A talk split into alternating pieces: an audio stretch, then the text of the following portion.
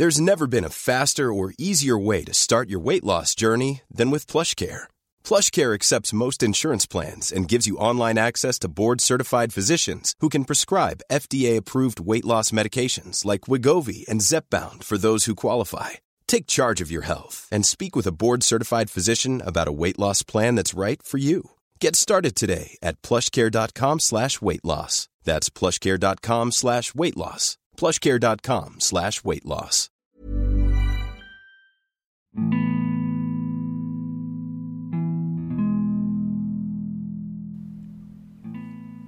Halo teman-teman, balik lagi bareng gue Dandi Arifin di saluran dini hari. Sebuah saluran yang akan menemani dan membawa kalian ke sebuah dimensi lain dari perasaan.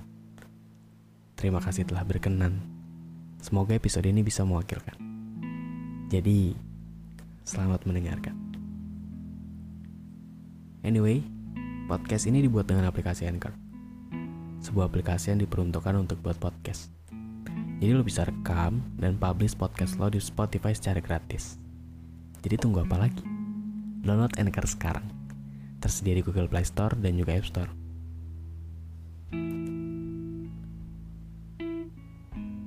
Lo pernah nggak tiba-tiba ngerasa sendiri? Padahal lo lagi di tempat ramai sekalipun.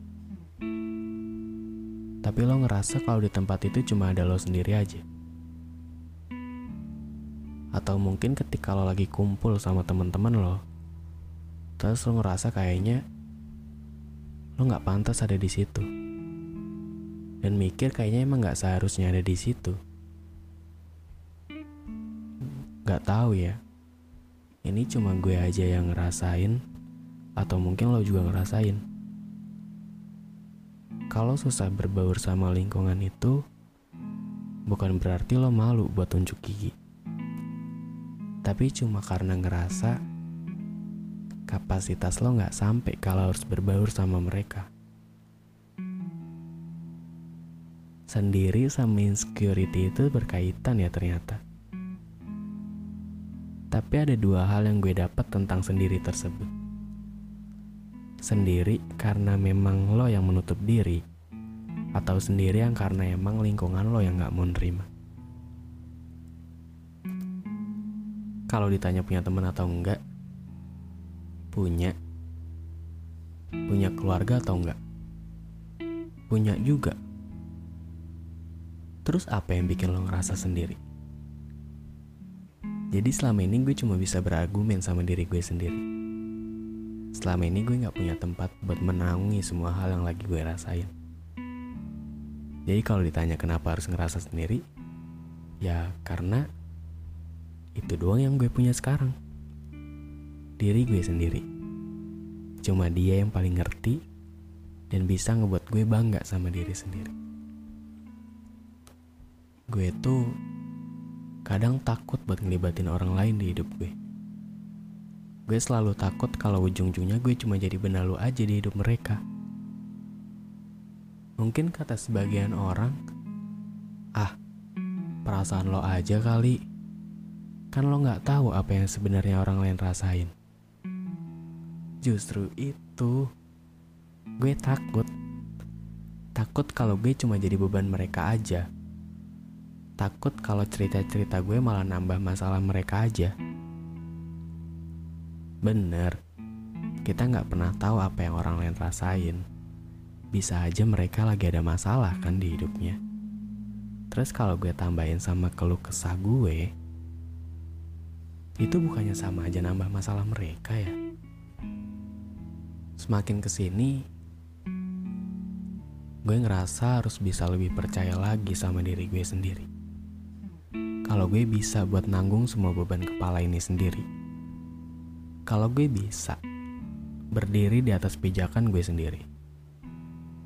Dibilang berat ya, berat banget. Sekalipun juga diceritain sama orang lain, tapi kan tetap aja yang nentuin kita sendiri. Kita emang makhluk sosial, dan kita pasti butuh manusia lain buat di hidup kita.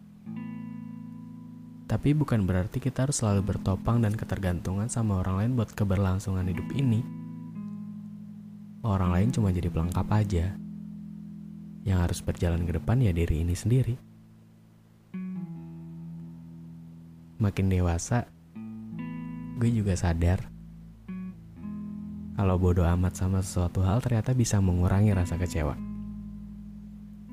Contohnya gini.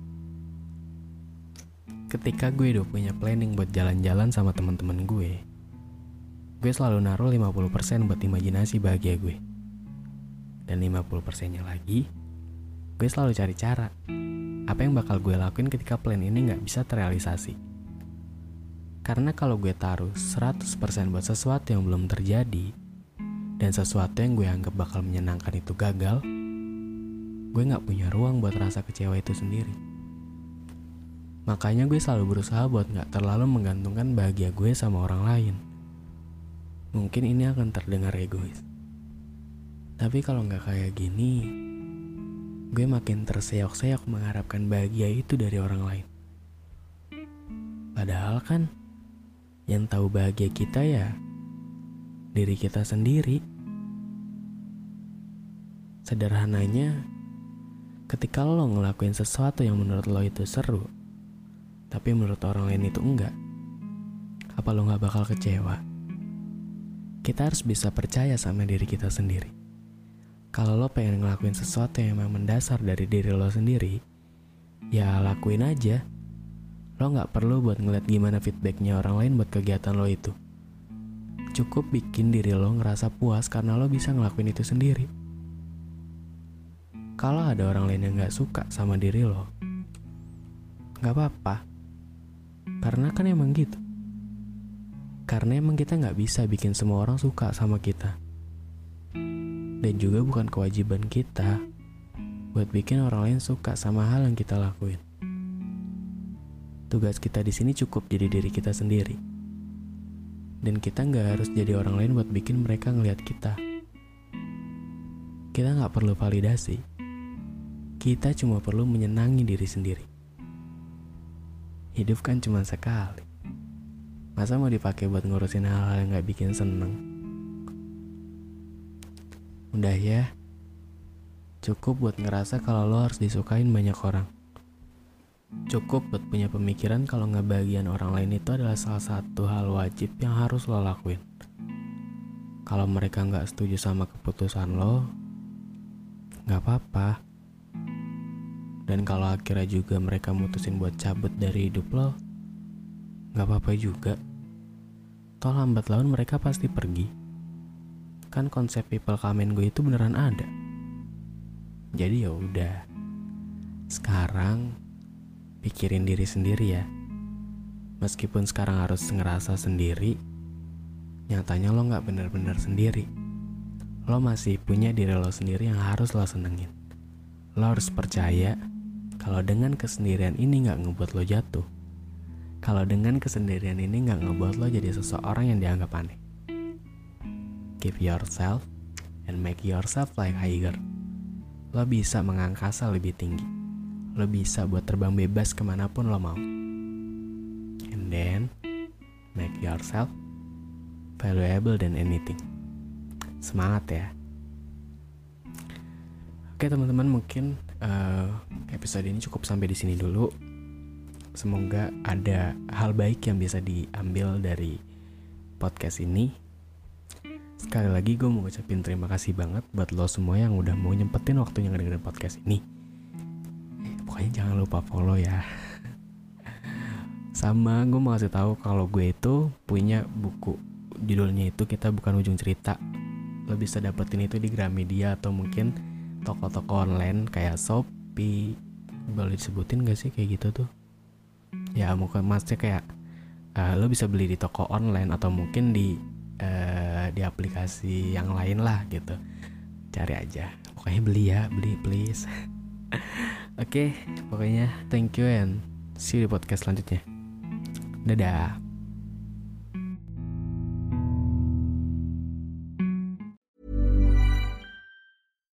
Hi, I'm Daniel, founder of Pretty Litter. Cats and cat owners deserve better than any old fashioned litter. That's why I teamed up with scientists and veterinarians to create Pretty Litter. Its innovative crystal formula has superior odor control and weighs up to 80% less than clay litter. Pretty Litter even monitors health by changing colors to help detect early signs of potential illness. It's the world's smartest kitty litter. Go to prettylitter.com and use code ACAST for 20% off your first order and a free cat toy. Terms and conditions apply. See site for details.